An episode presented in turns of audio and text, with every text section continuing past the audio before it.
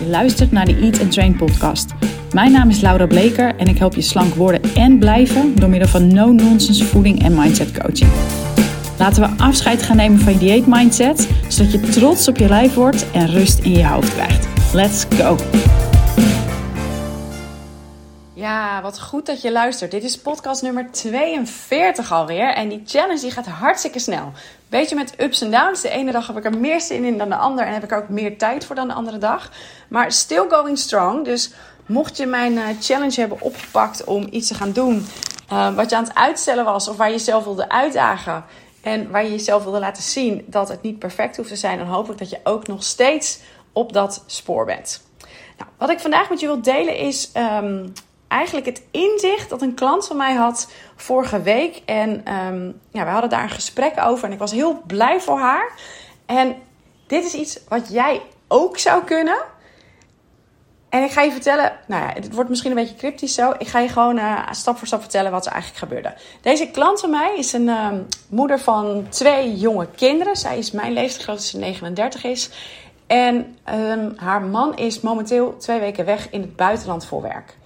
En afgelopen week was zij alleen thuis. Ze had een hele drukke dag gehad. En ze moest zich voorbereiden op een, uh, op een werkdag, de volgende dag. Waar, wat ze een beetje spannend vond en waar ze echt moest presteren. Nou, en die druk van het alleen thuis zijn en, en van alles moeten regelen. Dus zij dacht, weet je wat?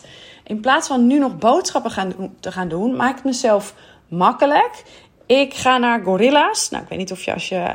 Volgens mij is dat alleen in Randstad.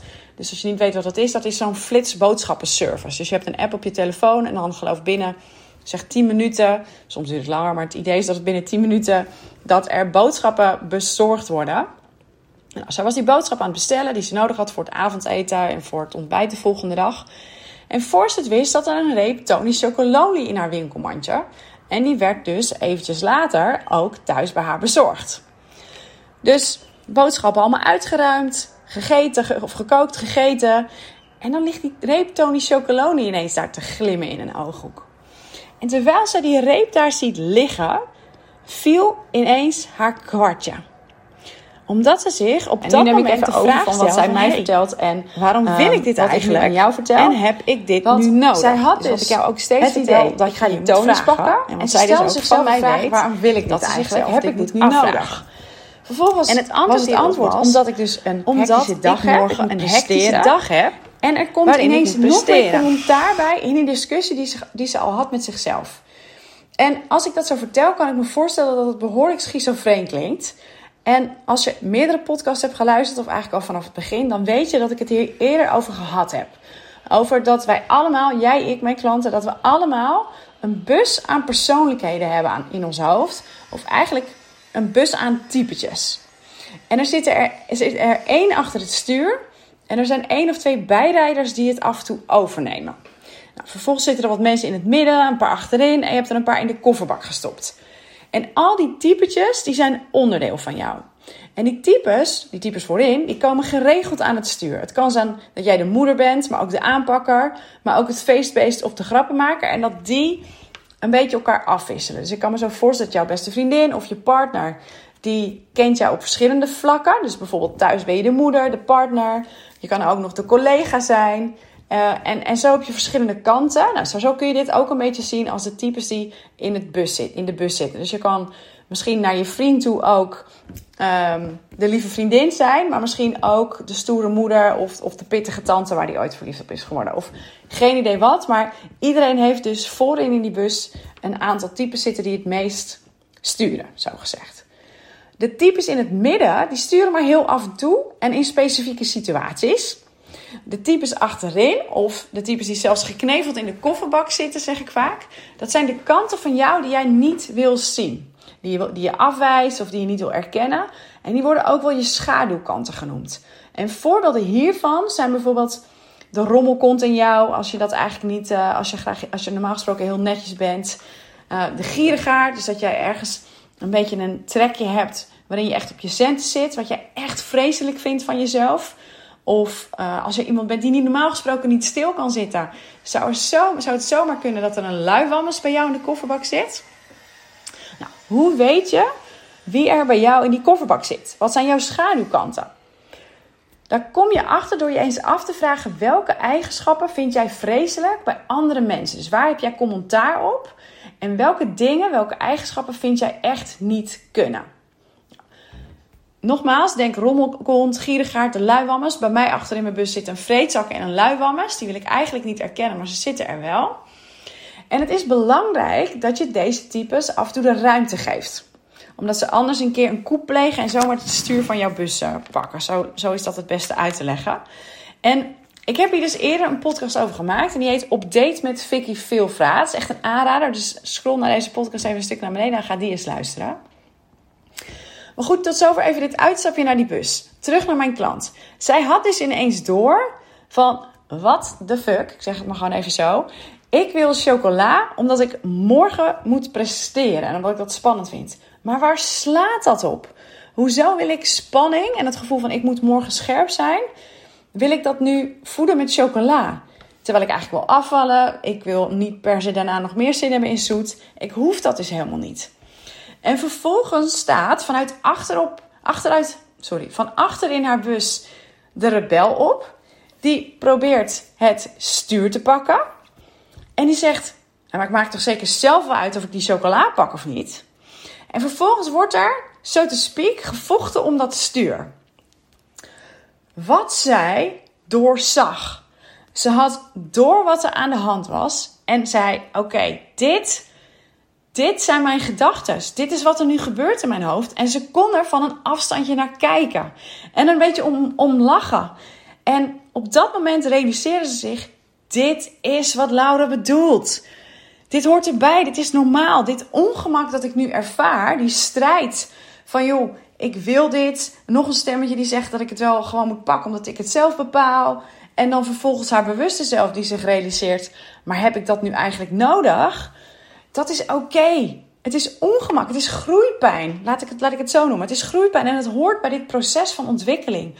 En ze realiseerde zich, ik hoef hier niet naar te luisteren. En ze vertelde me dit terwijl we een stuk aan het wandelen waren. Dit is een van mijn uh, klanten die ook personal training uh, bij mij volgt. Dat doe ik nog twee ochtendjes in de week voor mensen die bij mij gekomen zijn. Die uh, eigenlijk wilden trainen en fysiek sterker wilden worden en hun eten willen aanpakken in één compleet coachgesprek. Uh, is eigenlijk alleen voor mensen die in de buurt wonen. Um, en ze vertelde me dus, dus, dus, zo, gaat lekker. Ze vertelde me dit dus terwijl we aan het wandelen waren. En terwijl we zo door het park hierachter liepen, kwam bij mij de vraag al opzetten, die misschien nu bij jou ook naar boven komt, is: heeft ze nou uiteindelijk die chocola gegeten? Dus ik vroeg het haar en ze zei nee, met een big, big smile. En ik zei haar: wat goed. Ik, ik was trots en ik zei tegen haar: ik ben zo blij voor je. Want, en dat is nu dus ook tegen jou, als je dit gaat doorzien, als je door gaat hebben dat er een hele bus aan typetjes is, en dus niet alleen aan Nel, en dat je eindeloze gedachtenstromen kunt hebben maar dat je daar niet in mee hoeft. Dat je ernaar kan kijken en kan besluiten dat het oké is dat dat er is. Hoe ongemakkelijk ook. Dat is vrijheid. Dat is een ongemak dat er mag zijn. Waar je niets aan hoeft te doen. Je hoeft er echt niets aan te doen. Je kunt het zelfs, ik zei het al even, beschouwen als een groeipijn. Iets waar je doorheen mag. Omdat als je maar vaak genoeg oké bent met dat jouw gedachten ergens van alles van vinden en dat jij daar niet op reageert, word je daar steeds beter in en ervaar je het op een gegeven moment niet meer als ongemak. En ik ga je een voorbeeld geven van het ongemak dat dat er mag zijn, omdat je er niets aan hoeft te doen. En dat voorbeeld gaat over mezelf en dat was afgelopen weekend. Ik had, misschien heb je het op stories gezien, oh, ik heb er zelfs een podcast over gemaakt. Ik had een foodfestival. En ik heb allerlei gerechten gedeeld zoals het plan was. Ik heb niet overeten. Ik heb heel lekker gegeten. Maar er was na afloop zoet. Een kop thee met wat zoet, verschillende proefdingetjes geproefd. Ook een paar hapjes van het een en ander. En het was heerlijk, maar het was suiker. De avond erop ging ik bij mijn vader eten. En dat was ook een heerlijk gezond maaltje. Had zijn vrouw voor me gemaakt. Met allemaal dingen die ik lekker vind. En ik ben ook op tijd wederom gestopt met eten. Dat staat in mijn handleiding. Dat is ook wat ik preach naar mijn luisteraars, volgers en mijn klanten toe. Als je dan toch een regel wil, laat die dan zijn. Ik overeet niet, omdat ik dan niet goed voor mezelf zorg. Nou, over een handleiding gesproken. Als je in mijn transformatietraject zit, dan ga je in de laatste fase ook een handleiding maken. Een soort nou, is een handleiding voor, je, voor jezelf. En die kun je zien als een soort roadmap voor blijvend resultaat. Nou, twee avonden zoet op een rij, suiker, is eigenlijk tegen mijn persoonlijke handleiding in. En ik heb daar al eerder wat over verteld. Dat is omdat ik weet dat bij mij gaat er een jackpot af in mijn brein als ik suiker eet. Ik wil daarna, ik kom van thuis, dan ben ik een beetje aan het zoeken bijna. De volgende dag wil ik het weer.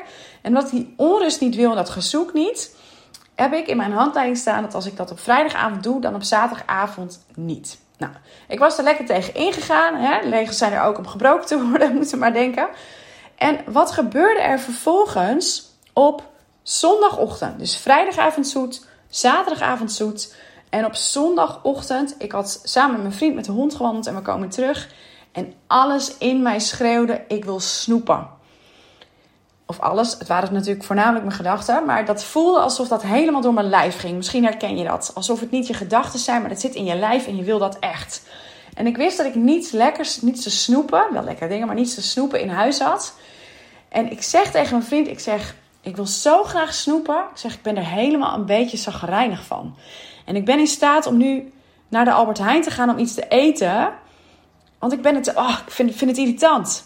En op het moment dat ik het uitspreek, en dat is essentieel, hè, daar blijf ik ook op hameren naar mijn klanten. Gisteravond had ik een masterclass waarin ik dat weer vertelde. Als je schrijft of het hardop uitspreekt, dan ga je van je gedachten naar je bewuste zelf. Dat helpt om er afstand van te nemen. Dus ik heb dat uitgesproken. Ik ben zagrijnig, ik ben het zat. Doordat ik dat deed, wist ik, hey, dit is ongemak, het is oké. En misschien herken je het, hè? Misschien heb je wel eens dat je op werk zagrijnig kwam. En dat je, of, of wat dan ook, dat je tegen je beste favoriete collega zegt: Oh, ik ben zo zagrijnig. En het moment dat je dat uitspreekt, is eigenlijk de helft daarvan al bijna verdwenen, omdat je erom kan lachen met iemand. En dat, dat je weet dat het oké is. Nou, zo ongeveer was het ook dus op zondagochtend. En ik besefte me dat het ongemak is. En ik weet dan, ik doe dit natuurlijk al langer, ik kan dit. Ik kan dit ongemak aan. Het mag er zijn, het hoeft niet weg. En door dat aan mezelf toe te geven, dat besef, haalde acuut de angel uit mijn situatie, uit die zagrijnigheid.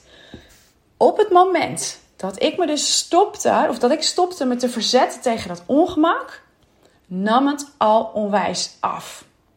Als jij gaat stoppen je te verzetten tegen het verlangen naar eten, tegen die gedachten die van alles willen, neemt dat verlangen af.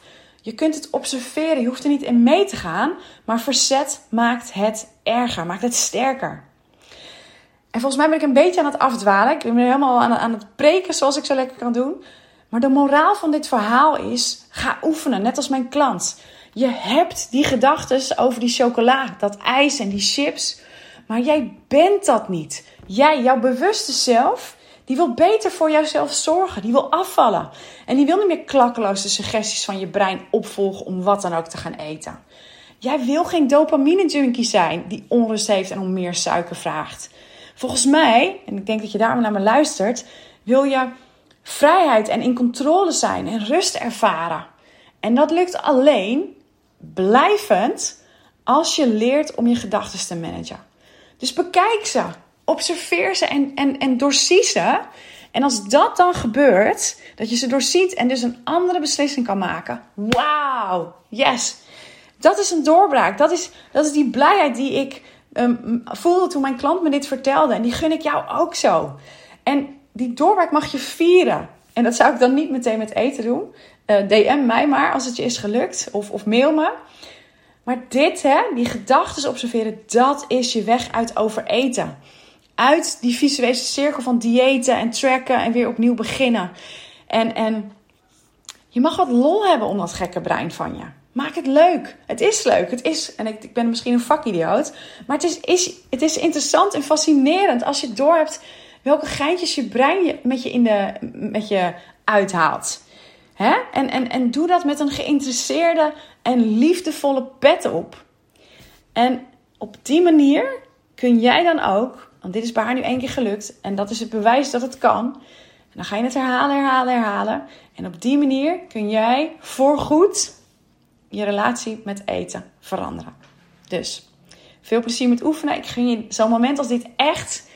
En ehm, als je er een gehad hebt, DM me, mail me, deel het met me. Dan kan ik net zo trots op jou zijn als op mijn klant. En um, nou, daar ga ik ermee afsluiten. Nog één klein verzoek.